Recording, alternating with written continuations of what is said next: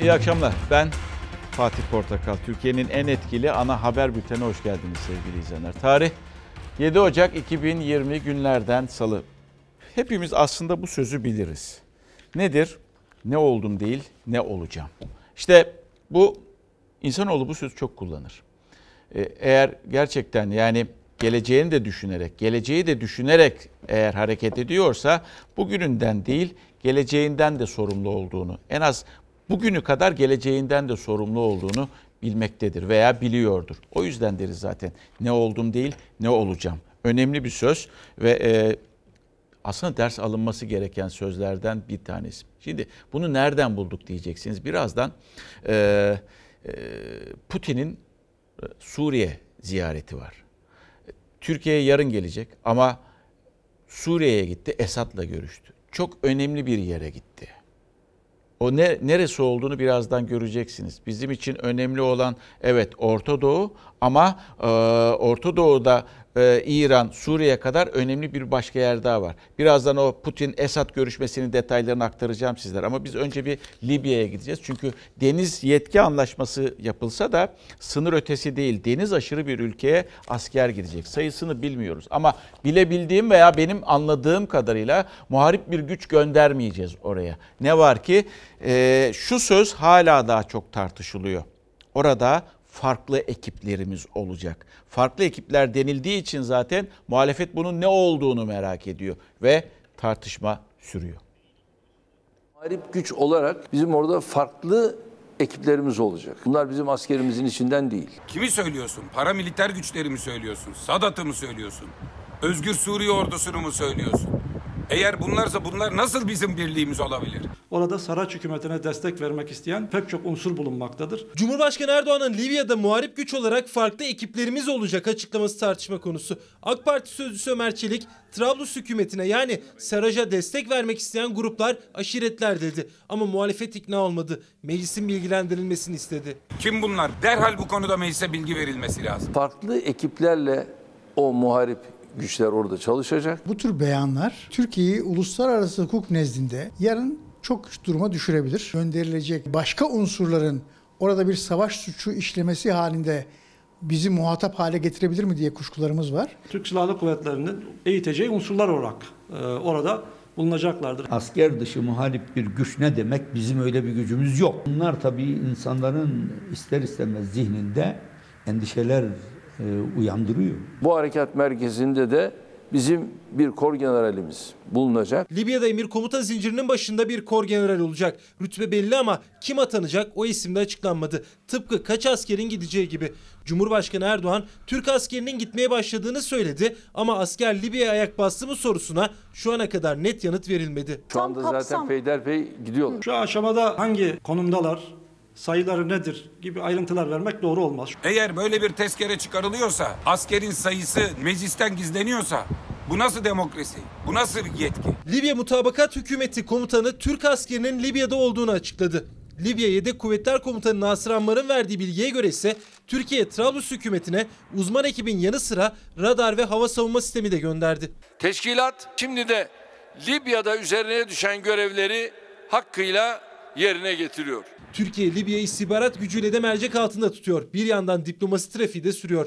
Türkiye'nin desteklediği Libya Ulusal Mutabakat Hükümeti'nin başındaki Saraj'ın Cezayir'e yaptığı ziyaretten bir gün sonra Dışişleri Bakanı Mevlüt Çavuşoğlu da Cezayir'e gitti. Bak Rus'un Wagner'i orada ve 2500 Wagner var. Erdoğan Rus paralı askerlerinin Hafter saflarında savaşmalarını örnek gösteriyor. Türk askerinin Libya'ya gidişini savunurken yeni günde de Bingazi Havalimanı'na paralı askerleri taşıyan Rus Hava Kuvvetleri'ne ait iki uçak indi. Türkiye'nin terörist olarak nitelendirdiği Hafter'e bağlı güçler ise Akdeniz kıyısındaki stratejik kent Sirte'nin tamamını ele geçirdi.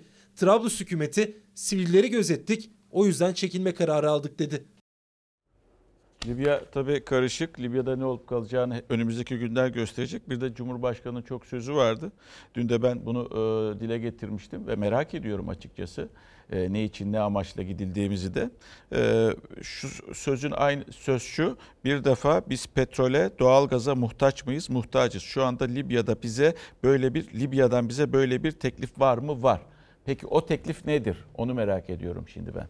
Acaba Libya'nın e, birçok kesimi de merak etmesi gerekiyor. Libya'nın petrol veya doğalgaz teklifi neydi? Sadece o deniz e, yetki alanındaki bölge midir yoksa başka ne teklif etti e, Libya bize? Ne kadar bir petrol veya ne kadar bir doğalgaz teklif etti? Bunu da zaman. Çünkü hepsini bir anda öğrenemiyorsunuz. Bunlar Anlaşmalar yapılıyor ama kapalı kapılar ardında isimlerin, liderlerin, bürokratların, bakanların ne konuştuğunu bilemiyorsunuz. Ve peyderpey çıkıyor. İşte bir şekilde e, böyle bir e, basın açıklaması zamanında çıkıyor. Daha sonra bakan bir şey söylüyor. Karşı taraf bir şey söylüyor. Şimdi bunu merak ediyoruz. Acaba petrol teklifi, doğalgaz teklifi Libya'nın asker gönderme karşılığında neydi diye onu bir öğrensek ne kadar güzel olur değil mi? Bugün değil ama önümüzdeki günlerde öğreneceğiz. Ee, enteresan bir fotoğraf karesi. Nereden geldi diyeceksiniz. Ee, Suriye'den geliyor. Aslında Putin yarın Türkiye'ye gelecek ve e, yarın öğle saatlerinde İstanbul'da olacak. Önemli bir ziyaret ki e, İran'daki olayı da biliyorsunuz ama e, bunun Türkiye'de Türkiye'nin bu ziyaretten haberi var mıydı yok muydu Suriye'ye bilmiyorum. Bunu bilmiyoruz. Ne var ki bizden önce Bugün nereye gitti diyeceksiniz? Şam'a gitti, Suriye'ye gitti ve ilginç görüntüler de geldi. Fotoğraf kareleri paylaştılar ki e, Rusya paylaştı bu fotoğraf karelerini. Burası zannedersem Rusya'nın üssü. Rusya Kuvvetler Birliği olarak e, adlandırılıyor merkez ve Türkiye'den önce Suriye'deydi. Bu şekilde bir fotoğraf karesi paylaştılar. Sadece bu değil. Bakın bu da bir başka fotoğraf karesiydi oradan. Arkadan Putin'in resmini de görüyorsunuz Suriye topraklarında ve bir başka fotoğraf karesi masada harita var. Haritaya dikkat ediniz. Harita Türkiye'nin güneyini gösteriyor. Mor bölge e, bizim operasyonun yapıldığı yer. E, Barış Pınar Harekatı'nın yapıldığı yer ve İdlib. Yarın konuşulacak konulardan bir tanesi de İdlib. O masada onu da görüyorsunuz. Esas mesaj mesaj mı var diyorsunuz. Burada mesajlar var. Neler konuşulacağına dair. Esas mesaj nereden geldi? Esas mesaj bir cami ziyaretinden geldi Şam'da.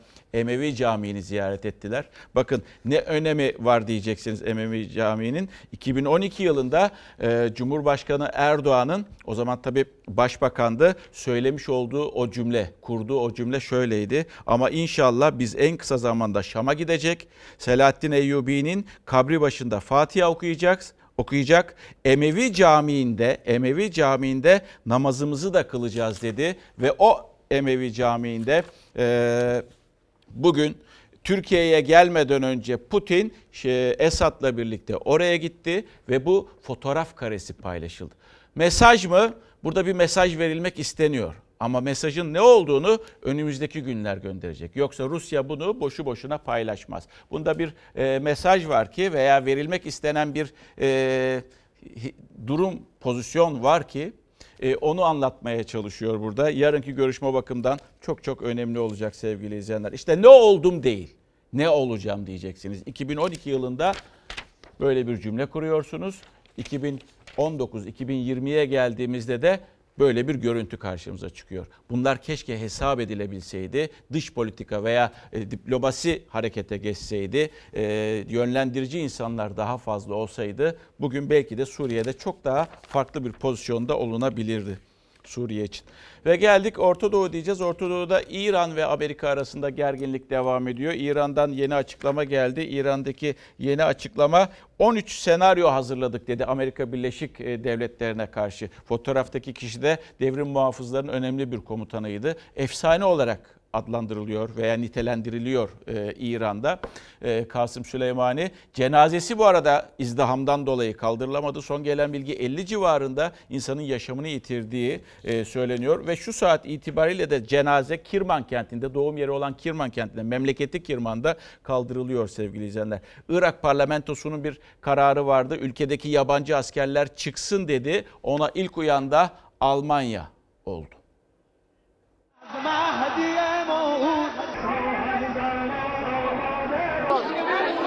Süleymani'nin cenaze töreninde izdiham çıktı. Onlarca kişi öldü, yüzlerce İranlı yaralandı. Ertelenen defin akşam saatlerinde gerçekleşti. İran, Amerika ordusu ve Pentagon'u terörist ilan etti. Cuma günü Bağdat'ta Amerika saldırısıyla öldürülen İranlı komutan Kasım Süleymani'nin cenazesi Dört günün sonunda memleketi Kirman'a getirildi. Sabah saatlerinde kente ulaşan cenazeyi yüz binler karşıladı. Şehrin dört bir yanına intikamı simgeleyen kırmızı bayraklar asıldı. Süleymani'nin hemşerileri öfkeliydi. Attıkları sloganlarla Tahran'a mesaj gönderdiler. Müzakere değil, intikam istediklerini bağırdılar. Öfke bir süre sonra faciaya dönüştü. İran'ın efsane komutanının tabutunu taşıyan araca yaklaşmak isteyen kalabalık izdama yol açtı. İnsanlar birbirini ezdi. En az 50 kişi öldü, 200'den fazla kişi yaralandı. İranlı yetkililer güvenlik nedeniyle cenazenin defnini erteledi. İran medyası ilerleyen saatlerde defin işleminin yapıldığını duyurdu. İran'da bir başka gündemse Süleymani suikasti nedeniyle Amerika'ya verilecek karşılık. Tahran misilleme planlarını hızlandırdı. Dini lider Hamaney'in askeri danışmanı 13 intikam senaryosu hazırlandığını açıkladı. En zayıf senaryo bile Amerika'nın kabusu olacak dedi. İran parlamentosu da tarihi bir karar aldı. Hem Amerika ordusunu hem de Savunma Bakanlığı Pentagon'u terörist ilan etti. Amerika ise İran'ın tepkisini çeken bir uygulamaya gitti. Washington, Birleşmiş Milletler Güvenlik Konseyi'nde konuşma yapması planlanan İran Dışişleri Bakanı Zarif'e vize vermedi. Amerika bölgedeki askeri varlığını da arttırmaya devam ediyor. İran'a yönelik olası bir saldırı için Hint Okyanusu'ndaki Diego Garcia adasına 6 B-52 bombardıman uçağı gönderme kararı aldı. Asker çekme krizi nedeniyle Amerika ve Irak arasında da ipler geriliyor. Parlamentodan Amerikan askerlerinin ülkeyi terk etmesi kararı çıkartan Irak eski başbakanı Abdülmehdi'den çok çarpıcı bir iddia geldi. Abdülmehdi, Çin'le yapılan ticaret anlaşması nedeniyle Amerika Başkanı Trump'ın kendisini ölümle tehdit ettiğini söyledi. Şimdi e, yine bugün gelen mesajlar içerisinde mesela bir tanesi demiş ki Suriye politikasında iflas mıdır? E, görünen fotoğraf o zaten yani adam e, en azından kaldı. Nerede kaldı? E, Esad e, Suriye'nin başında kaldı. Ve gelinen bu fotoğraf da veya verilen bir fotoğraf da aslında e, paylaşılmak istenen bir fotoğraf, mesaj kaygısı olan bir fotoğraf. Onu da e, böyle yorumlamak gerekiyor. Yarınki toplantı önemli. Bir de bugün Emin Çölaşan'ın yazısını okuyun. Çok Sözcü gazetesinde e, İran'a giden e, İran'a giden 300 milyon dolarla ilgili e, 2014 yılında o paraların nereye gittiğini söylüyor. Orada tabii bir başka isim de geçiyor. Erdoğan ismi geçtiği kadar Ali Babacan ismi de geçiyor aslında. E, okumakta fayda var. İkilinin o zamanlar tabii onlar birlikteydi sevgili izleyenler. Aslına bakacak olursanız o, o zamanlar Erdoğan'ın belki de en güvendiği isimdi Ali Babacan. Ha, daha sonra yollar ayrıldı. Yollar ayrıldıktan sonra da e, ve mesafe kondu. Sadece mesafe konulmasıyla kalmadı. Karşılıklı olarak şöyle de bir söz vardır ya etekteki taşlar dökülür diye. Ee, Kanal D CNN ortak yayınında e, önceki gün e, Ali Babacan'ı IMF'ci olarak itham etmişti. Ali Babacan'a IMF'ci demişti. Ben onlara karşı direndim demişti Cumhurbaşkanı Erdoğan sevgili izleyenler. Ali Babacan diyecek miydi bir şey veya diyebilme cesaretini gösterebilecek miydi? Evet gösterdi ve faizlerle anlattı bazı şeyleri. Bir de önemli bir cümlesi vardı aslında vermiş olduğu cevapta Sayın Erdoğan'a. Geçmişi değerlendirmeye hazırım dedi. Hatırlıyor musunuz? 2008 ekonomik krizi olduğu zaman bir çıkış yapmıştım. Demiştim ki bu kriz bizi teğet, teğet geçer. Şu anda işte parti kurma çalışması yapan bazı arkadaşlar var ya. Onlar da o zaman benim yanımda olanlar bana karşı çıkmışlardı. Yok şöyledir yok böyledir. Çünkü talimatı IMF'den alıyorlardı. Geçmişi her yönüyle değerlendirmeye hazırım. Ancak bizim Türkiye'nin bugününe ve geleceğine odaklanmamız gerekiyor. Cumhurbaşkanı Erdoğan'ın IMF'den talimat alıyor, faizci dediği eski yol arkadaşı Ali Babacan sosyal medyadan yanıt verdi. Geçmişi değerlendirmeye hazırım resti de çekerek faiz üzerinden ekonomi yönetimini eleştirerek. Zaten onlar faizciydi. Merkezi yönetim bütçesinden ödenen faiz 2017 yılında 57 milyarken 2018'de 74 milyar liraya çıktı. Hükümetin programına göre faiz ödemeleri 2019'da 103 milyar, 2020'de 139 milyar lira. Ben faizlerin devamlı düşürülmesini istiyordum. Çünkü benim alanım da ekonomi. Dikkatinizi çekmek isterim. Devletin vatandaşlarından vergi toplayarak piyasaya ödediği faiz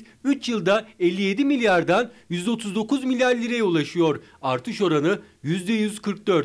Dahası Türkiye'nin hayat pahalılığı gibi, işsizlik gibi devasa sorunları var. Yani bizlerle ilgili kanaati böyleyse daha bundan 6 ay önce beni beraber çalışmaya niye davet etsin? Babacan Cumhurbaşkanı'nın kendisine birlikte çalışmayı teklif ettiğini açıklamıştı. Yeni parti kurmaması karşılığında. Yaklaşık 7 ay önceki teklife rağmen Cumhurbaşkanı bugün Ali Babacan'ı neden IMF'den talimat almakla, faizci olmakla eleştirdi? Soru işareti. 17 Aralık'ta itham edilen bakan arkadaşlarla ilgili benim farklı bir duruşum oldu. Bu arkadaşların Yüce Divan'a giderek aklanması gerektiğini düşünüyordum. Gelecek Partisi Genel Başkanı eski Başbakan Ahmet Davutoğlu da T24'de yaptığı açıklamada 17-25 Aralık tartışmasını raftan indirdi. Hakkında yolsuzluk iddiası bulunan bakanları Yüce Divan'a ikna etmiştim ama Erdoğan devreye girdi dedi. Zafer Çağlayan, Egemen Bağış, Muammer Güler'i ofisime çağırdım. Yüce Divan'a gitme konusunu açıklamalarında anlaştık. Ertesi günü öğlen oldu. Açıklama yapılmadı. Ne olduğunu sordum. Bakanların Tayyip Bey'le görüştüklerini ve onun yapmayın dediğini öğrendim. Yanına gittim. Neden böyle yaptığını sordum.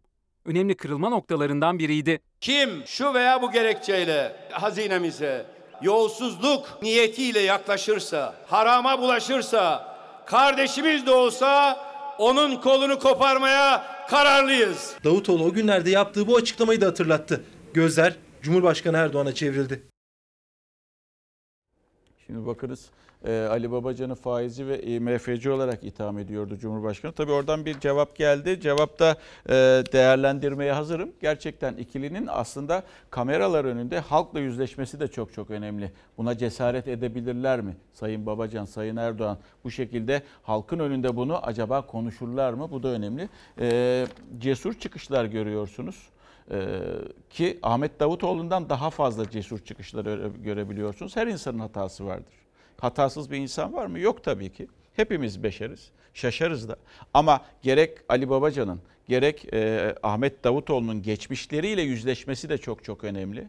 E, yani kafalarında soru işaretleri varsa insanların o soru işaretlerinin gidermesi açısından da çok çok önemli ki e, belki seçmenlere bir güven telkin edebilirler. Cesurca çıkışlar ve yüzleşmek e, bence önemli. Bunu yapabiliyorlar. Es, yani bunlar geçmişin önemli siyasetçileriydi ve yine karşımızda olacaklar gördüğümüz kadarıyla. E, yine geçmişin önemli bir siyasetçisi. Hala daha siyasetçi o cezaevinde Selahattin Demirtaş e, Ankara 19. Ağır Ceza Mahkemesi'nde e, yargılandığı davadaydı. Oraya e, işte e, internet sekbis diyorlar zannedersem onun üstün e, onun üstünden bir savunma yaptı. Şöyle başladı cümlesine.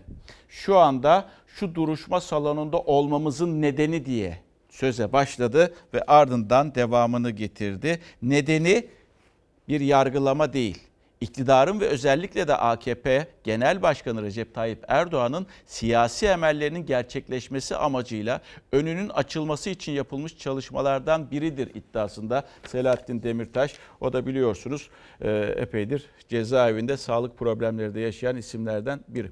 Ve geldik e, e, Fethullahçı terör örgütü çok konuşuluyor. Ve Fethullahçı terör örgütü konuşulurken partinin içinde önemli bir isim. Yaklaşık bir buçuk yıl kadar önce Şamil Tayyar bir açıklama yapmıştı. FETÖ borsasından bahsetmişti sevgili izleyenler. Ha, FETÖ borsası zaman zaman gündeme geldi gitti. E, ondan sonra gündemden düştü. Sonrasında sonrasında kitaplar yazıldı. O kitaplarda o borsalardan e, o e, işte olanlar bitenler anlatılmaya çalışıldı. Şimdi Kilis'ten bir örnek gelecek. Kilis örneğine dikkat edin. Elinizde kalem varsa kalem bırakın. Elinizde kaşık varsa kaşığı bırakın. Elinizde bir bardak varsa bardağı bırakın. Gözünüz ve kulağınız ekranda olsun lütfen. Kimler kimlerle diye bir söz var ya geçmişten bugüne gelen kimler kimlerle diye. İşte onu da geçmişte zannedersem Cumhurbaşkanı söylemişti. Ee, ve işte kimlerin kimlerle birlikte olduğunun belki de bir görüntüsü ve insanın kafasında soru işaretleri yaratan bir e, görüntü sevgili izleyenler. Ha, bu arada bir de e, beraat eden e, Bülent Arınç'ın damadı vardı. E, Ekrem Yeter görüyorsunuz. O da tabii istinafa it- itirazda bulundu. Ben dedi üye değilim. Ama sempatizanım. İddialar öyle böyle değil. Pensilvanya'ya gitmek, Fethullah Gülen'le bizzat görüşmek, örgüt için para toplamak, avukatları AK Parti'nin ilçe başkanı ile AK Parti'nin belediye başkanı. Peki karar ne? Deliller yetersiz, suçlar sabit değil. Hükümet bugünden itibaren FETÖ ile mücadeleden vazgeçmiştir. Kilis örneği bunu teyit eden örneklerden bir tanesidir. Kilis'te 35 kişi hakkında 15 Temmuz sonrası FETÖ üyeliğinden dava açıldı. Sanıklar arasında Pensilvanya'ya gidip terörist başı Fethullah Gülen'le görüşen, FETÖ'cü bir derneğin yöneticiliğini yapan isimler vardı. Onların avukatları ise AK Parti Kilis İl Başkanı ve AK Partili Kilis Belediye Başkanı. Sanıklar hakkındaki beraat kararı muhalefeti ayaklandırdı. Adalet mekanizması bütünüyle onlara kim teslim etti? Ben mi yaptım? FETÖ borsası dedikoduların çıktığı bu konjonktürde bu tür davaların beraatle sonuçlanması ne yazık ki bu borsanın gerçekliği konusundaki kuşkuları derinleştirmektedir. Kilis'teki FETÖ davası 2 yıl sürdü. Sanıklar arasında Pensilvanya'da FETÖ lideriyle görüşen kapatılan TUSKON'a bağlı Kilis İş Adamları Derneği Başkanı Mehmet Vakıf Şarkbay da vardı. Sanıkların avukatlığını AK Parti İl Başkanı Murat Karataş'la AK Partili Kilis Belediye Başkanı Abdi Bulut yaptı. Abdi Bulut başkan seçildikten sonra vekaletini avukat yeğenine bıraktı. 2 yılın sonunda 31 sanık beraat etti. 4 sanığın dosyası ise delillerin tam olarak toplanmadığı gerekçesiyle ayrıldı. Böylece Kilis'teki FETÖ davasında ceza alan olmadı. Bundan sonra kimse kimseye sen okuluna gittin, sen himmet yaptın, sen doğasına gittin diye suçlamada bulunamaz. Yargılanan kişiler benim arkadaşım dostum. FETÖ'cü olduklarına inanmıyorum. 15 Temmuz olduğunda partiye ilk gelen isimler bunlardı. Mahkemede beraat verdi. Şimdi siz bunu haber yaparsanız algı oluşacak. Bana da partiye de zarar verir. Bu davanın avukatlığını yaptığımı genel merkeze bildirmedim. FETÖ sanıklarının avukatı AK Parti Kilis İl Başkanı Murat Karataş haberi yapan Sözcü gazetesine davaya baktığımdan genel merkezin haberi yoktu açıklaması yaptı. Ankara Cumhuriyet Başsavcısının hakkındaki beraat kararına itiraz ettiği Bülent Arınç'ın damadı da istinafın kapısını çaldı. Hakkındaki beraat kararının gerekçesine itiraz etti. FETÖ üyeliğinden yargılanmasına avukatı istinaf dilekçesinde Ekrem Yeter için örgüt üyesi değil sempatizan dedi. Sempatizanlık düzeyinde kalmış sohbete katılma eylemlerinin örgüt üyeliği konusunda şüpheli bir durum olmadığı da açıktır. Ekrem Yeter'in başvurusu mu dikkate alınacak? Başsavcılığın beraat kararına itirazı mı? Gözler istinafta.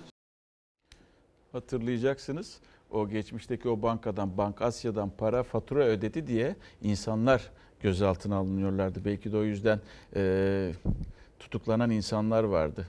Ve işte bunları yaşarken böyle böyle olayların olması e, insanın kafasını kurcalıyor. Bir soru soracağım. Sizin kafanızı kurcalamaya devam etsin. Siz gerçekten Fethullahçı terör örgütüyle mücadelenin tam anlamıyla gerek kolluk gücüyle gerek adli güçle tam anlamıyla yapıldığını düşünüyor musunuz? Bir kayırma olup olmadığını düşünüyor musunuz? Yarın akşama kadar lütfen düşünün. Akşam saat 19'da e, karşınızda olduğumda bunun da cevabını en azından karşılıklı olarak almış oluruz. Yapıldığını düşünüyor musunuz, düşünmüyor musunuz? Gürkan Bey demiş ki ne oldum değil, Libya'da askerimizin ne yapacağı önemli. Türk askerinin tek bir damla kanını Libya petrolüne değişmeyeceğim kesin demiş bir vatandaş. Çok vatandaşın kafasında da bu soru var. Umarım, umarım Libya yi hesap edenler her şeyi düşünmüşlerdir. Suriye gibi e, orada başarısız olmayız. Suriye'deki politikalar gibi başarısız olmayız.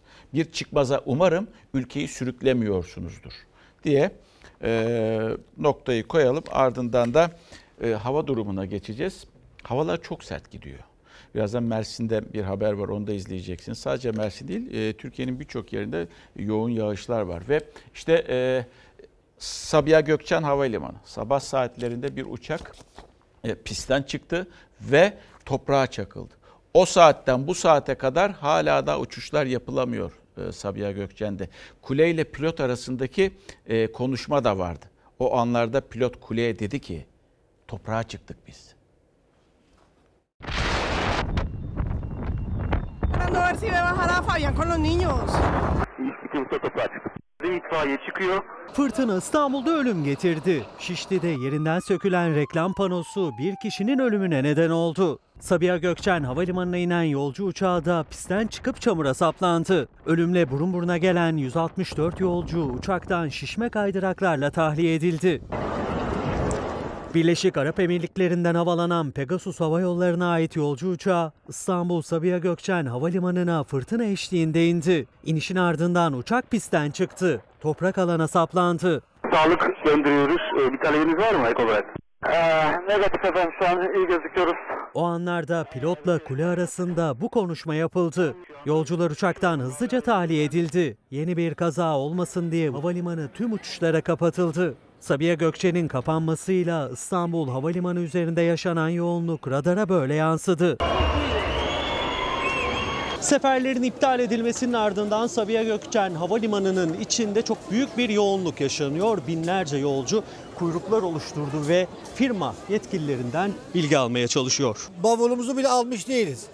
Akıbetimizde ne olduğunu da bilmiyoruz. Son yapılan açıklamaya göre uçuşlar akşam 20'ye kadar gerçekleşmeyecek. Yığılma o kadar fazla ki saat 20'den sonra da hem Sabiha Gökçen Havalimanı'nı hem de yolcularını zor bir gece bekliyor. Dönüş biletimizle ilgili hiçbir bilgi alamıyoruz. Çağrı merkezleri cevap vermiyor. Gece boyunca da etkiliydi fırtına. Bu görüntüde İstanbul Bahçeli Evler'den. 5 katlı bir iş merkezinin çatısı rüzgara dayanamadı. Kamyonete malzeme yükleyen iki kişi çatıdan kopan parçaların altında kalmaktan son anda kurtuldu. Fırtınanın İstanbul'da perşembe gününe kadar sürmesi bekleniyor. Bu arada e, Sabiha Gökçen'deki uçuşlar 22'de başlayacak. Son bilgi bu. Akşam saat 10'da e, uçuşların tekrar e, başlayacağı bildirildi. E, havalimanından yapılan açıklama bu. Sadece İstanbul'da değil, yurdun birçok yerinde soğuk var, kar var, yoğun bir yağış var. Mesela Mersin'de. Mersin'de o kadar bir o kadar çok yağış vardı ki artık kaldıramaz oldu belki de. Ve biliyorsunuz şehirlerin altyapıları da yetersiz. İki vatandaş hayatını kaybetti. Ulaşım kapanmıştır. İnsanlar gözünü yumup yola yürüyeceğim diye uğraşıyor ama sıkıntılı bir problem var. Sel, fırtına, tipi yurdu teslim aldı. Meteorolojinin kırmızı alarm verdiği Mersin'de iki kişi hayatını kaybetti. Şu tarafa ışık tut. Sokaklar nehir gibi oldu, caddeler nehir gibi oldu, akıyor. Mersin'de metrekareye yaklaşık 165 kilogram yağış düştü. Su baskınları yaşandı. Suyun içinde mi kalmış? Tabii.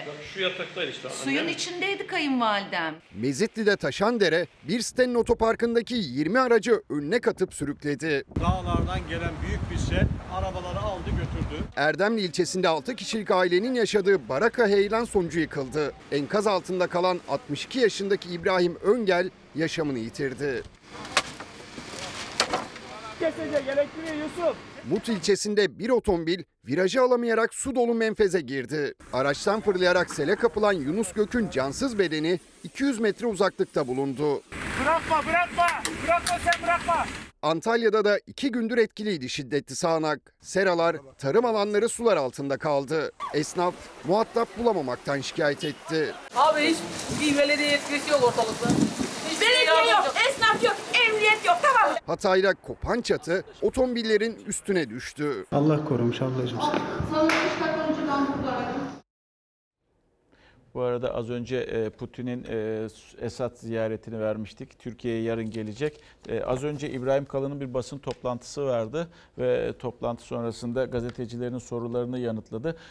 Putin'in ziyaretiyle ilgili ne düşünüyorsunuz diye soruldu. İbrahim Kalın'dan kendi tasarrufudur açıklaması geldi Putin'e Putin için Putin'in Suriye ziyareti için.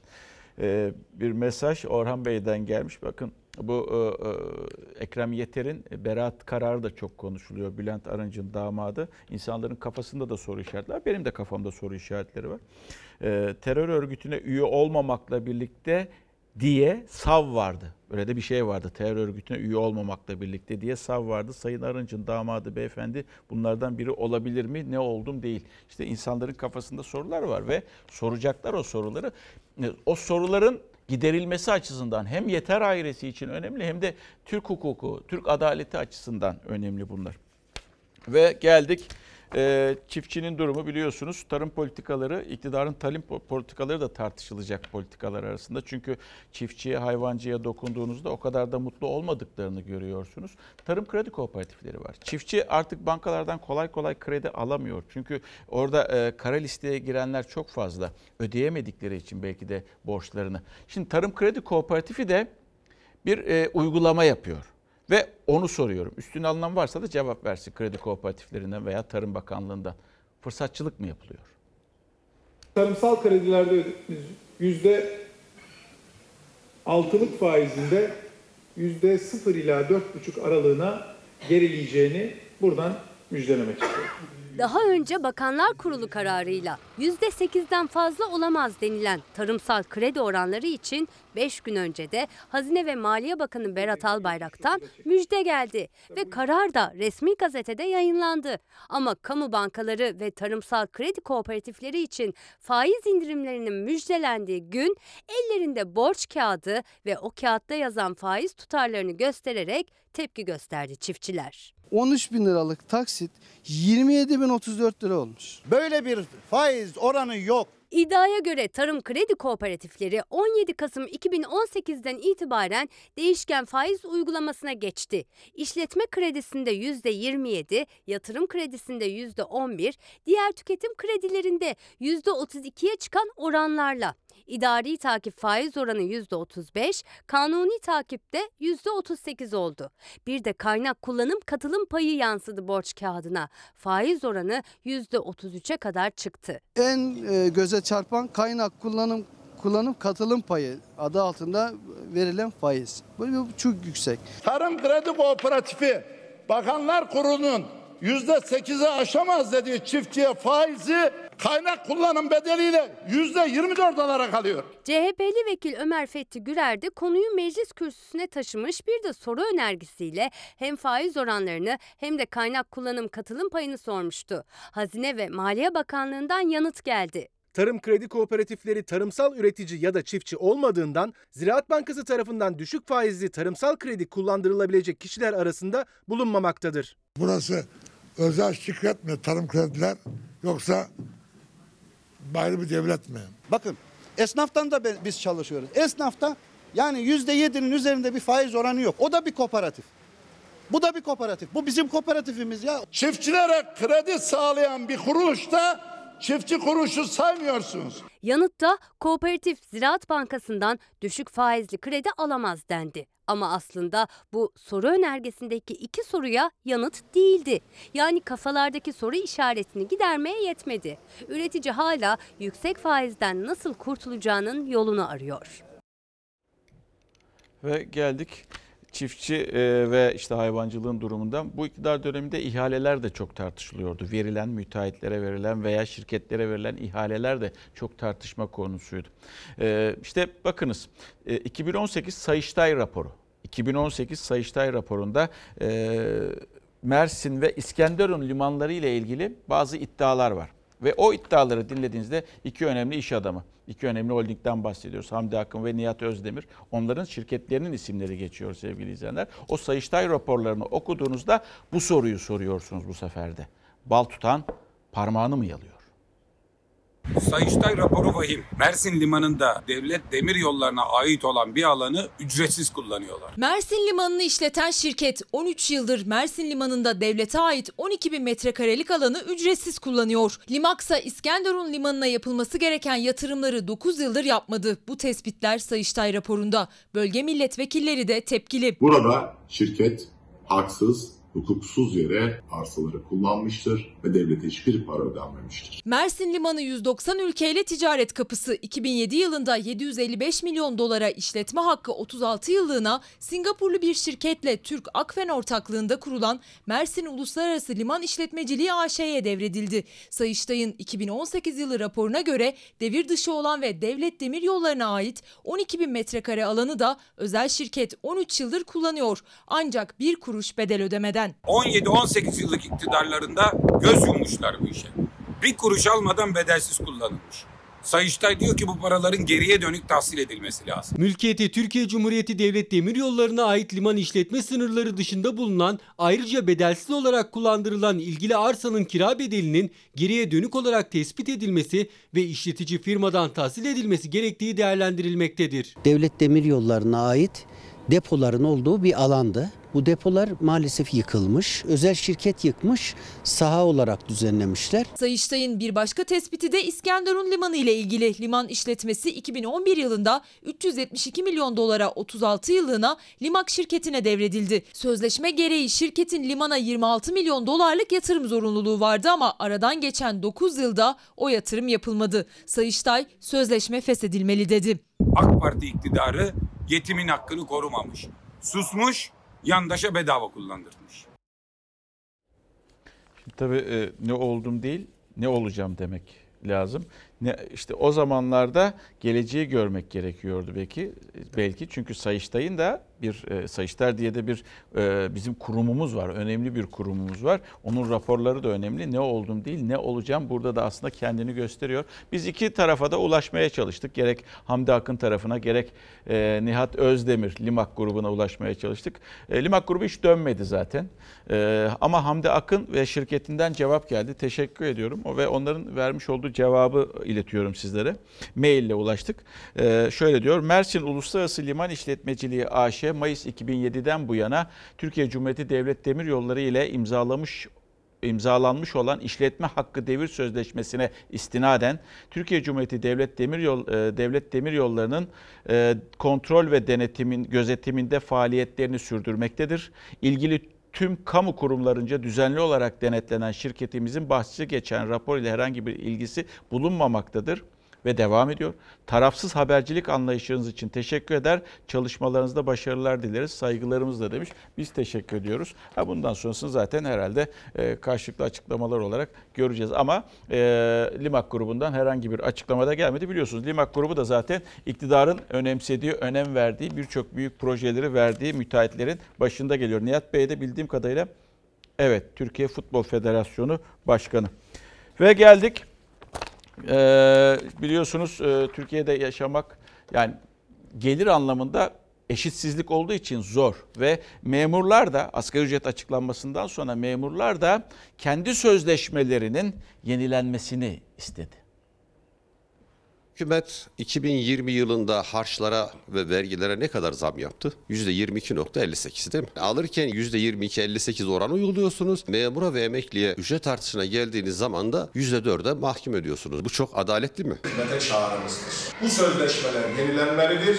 Eğer bu talep dikkate alınmazsa eylemden başka bir seçeneğimiz yoktur. Enflasyon farkıyla birlikte 2020 yılı için %5,5 zam alacak memur ve emeklileri için toplu sözleşme Ağustos ayında imzalandı ama konfederasyonlar alanları işaret etti. Toplu sözleşme yenilenmeli diyerek nedeni iğneden ipliğe gelen zamlar ve hissedilen enflasyon. En düşük devlet memuru maaşı 3019 lira, %4 zam gelecek 120 lira. Burada yeniden bir iyileştirmeye ihtiyaç var. Emekçiyi bu anlamda öfkeli hale getirmeyin. Hükümetin 2020 yılı için %4 artı 4, 2021 yılı için %3 artı 3 teklifini kabul etmeyip masadan kalkan memur sende toplu sözleşme şartlarının hissedilen enflasyona göre revize edilmesini söylüyor. Konfederasyonlar iktidara ek gösterge sözünü de hatırlatıyor. Ek gösterge düzenlemesi yapılırsa 80-100 lira gibi bir artış ama emekli durumunda olan arkadaşlarımız da 500-600 liralık bir artış olacak. Emekli ikramiyesinde 20 bin 25 bin lira gibi ilave artış olacak. Bakın bu bir rahatlama sağlayabilir. Bunun üzerinden de gidebiliriz. Bütün kışlık yiyeceğimi köyden getirerek geçiniyorum. Ben daha hatırlamıyorum ki kasaptan et aldığımı bilmiyorum. Büyük şehirlerde yaşamak daha bir farklı. Diske bağlı Birleşik Metal İş illerin 2019 yılı açlık yoksulluk haritasını çıkardı.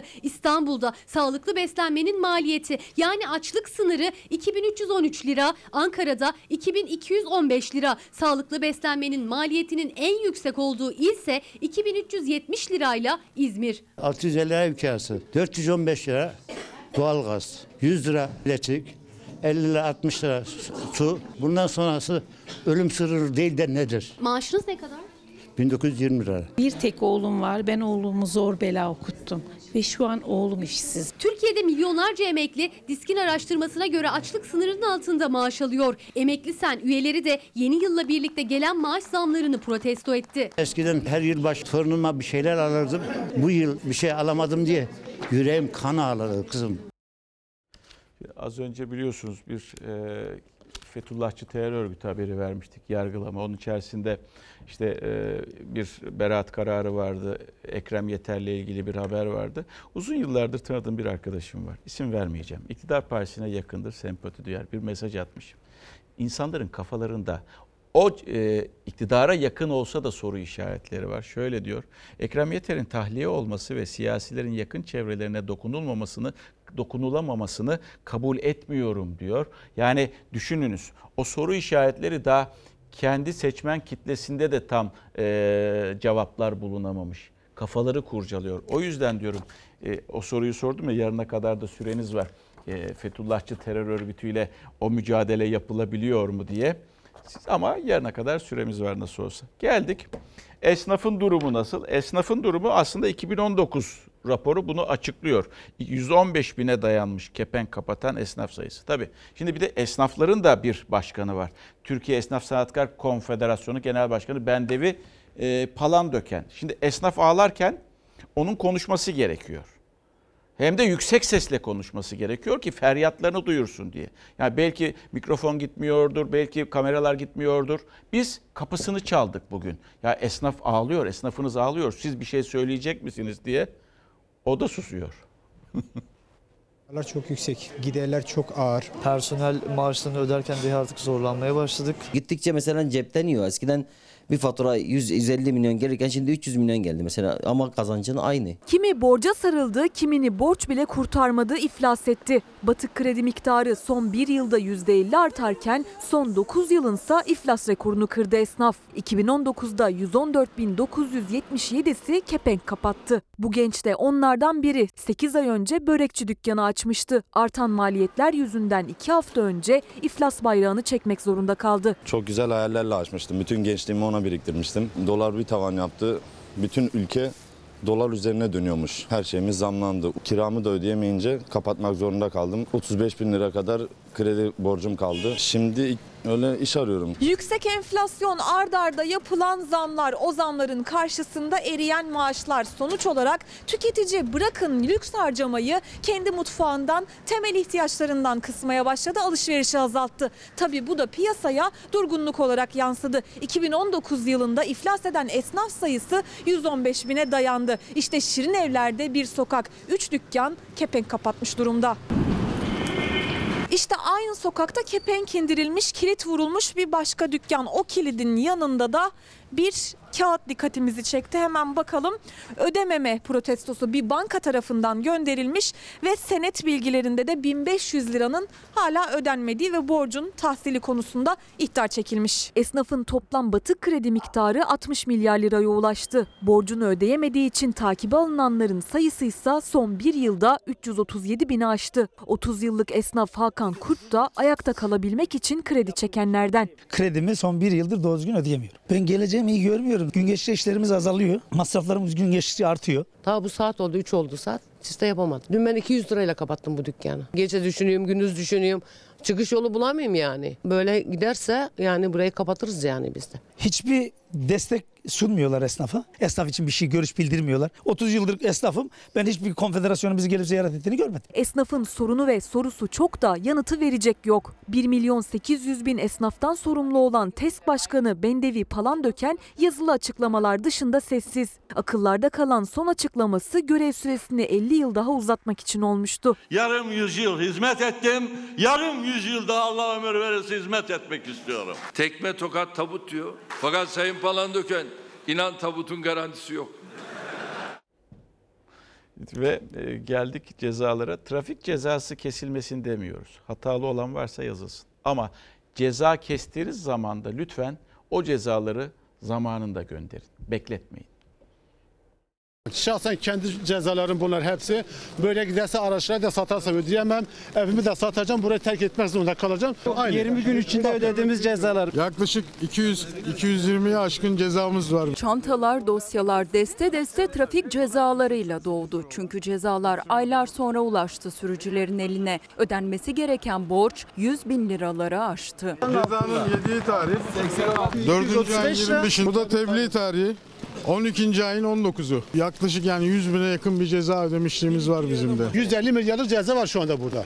Daha sadece bu 4. aydı, 5. ay yeni gelmeye başladı. Cezalar elektronik denetleme sisteminden peş peşe gelmeye başladı. Gelen tebligata baktıklarında ise 2019 yılının Nisan ayındaki kural ihlali olduğunu gördüler. Yani 9 ay önceki ihlaller. İhlal tebligatı hemen yapılmadığı içinse birçok sürücü yasak olduğunu fark etmedi bile. Kural ihlalleri devam etti. Özellikle ülkede birden fazla aracı olan şirketler zorda. Bunlar hepsi radar cezaları benim. Hepsi sizin mi? Hepsi bizim. Her bir araca 15 bin lira. Cezaları alan sürücüler kamu denetçiliği kurumu önünde toplandı. Trafik kuralları ihlal edildiğinde değil, birike birike aylar sonra ancak ödenemez hale geldiğinde ulaştı cezalar sürücülere. O sürücüler şimdi itiraz için buradalar. Önceden bilgilendirilmedikleri için o cezaların iptal edilmesini istiyorlar. Bu cezaların bir kısmı. En küçüğü 235 lira 1002 liraya kadar çıkıyor. Şu anda tebliğ edilmeyen belki binlerce ceza var şu anda. Bu ihlal, trafik kuralı veya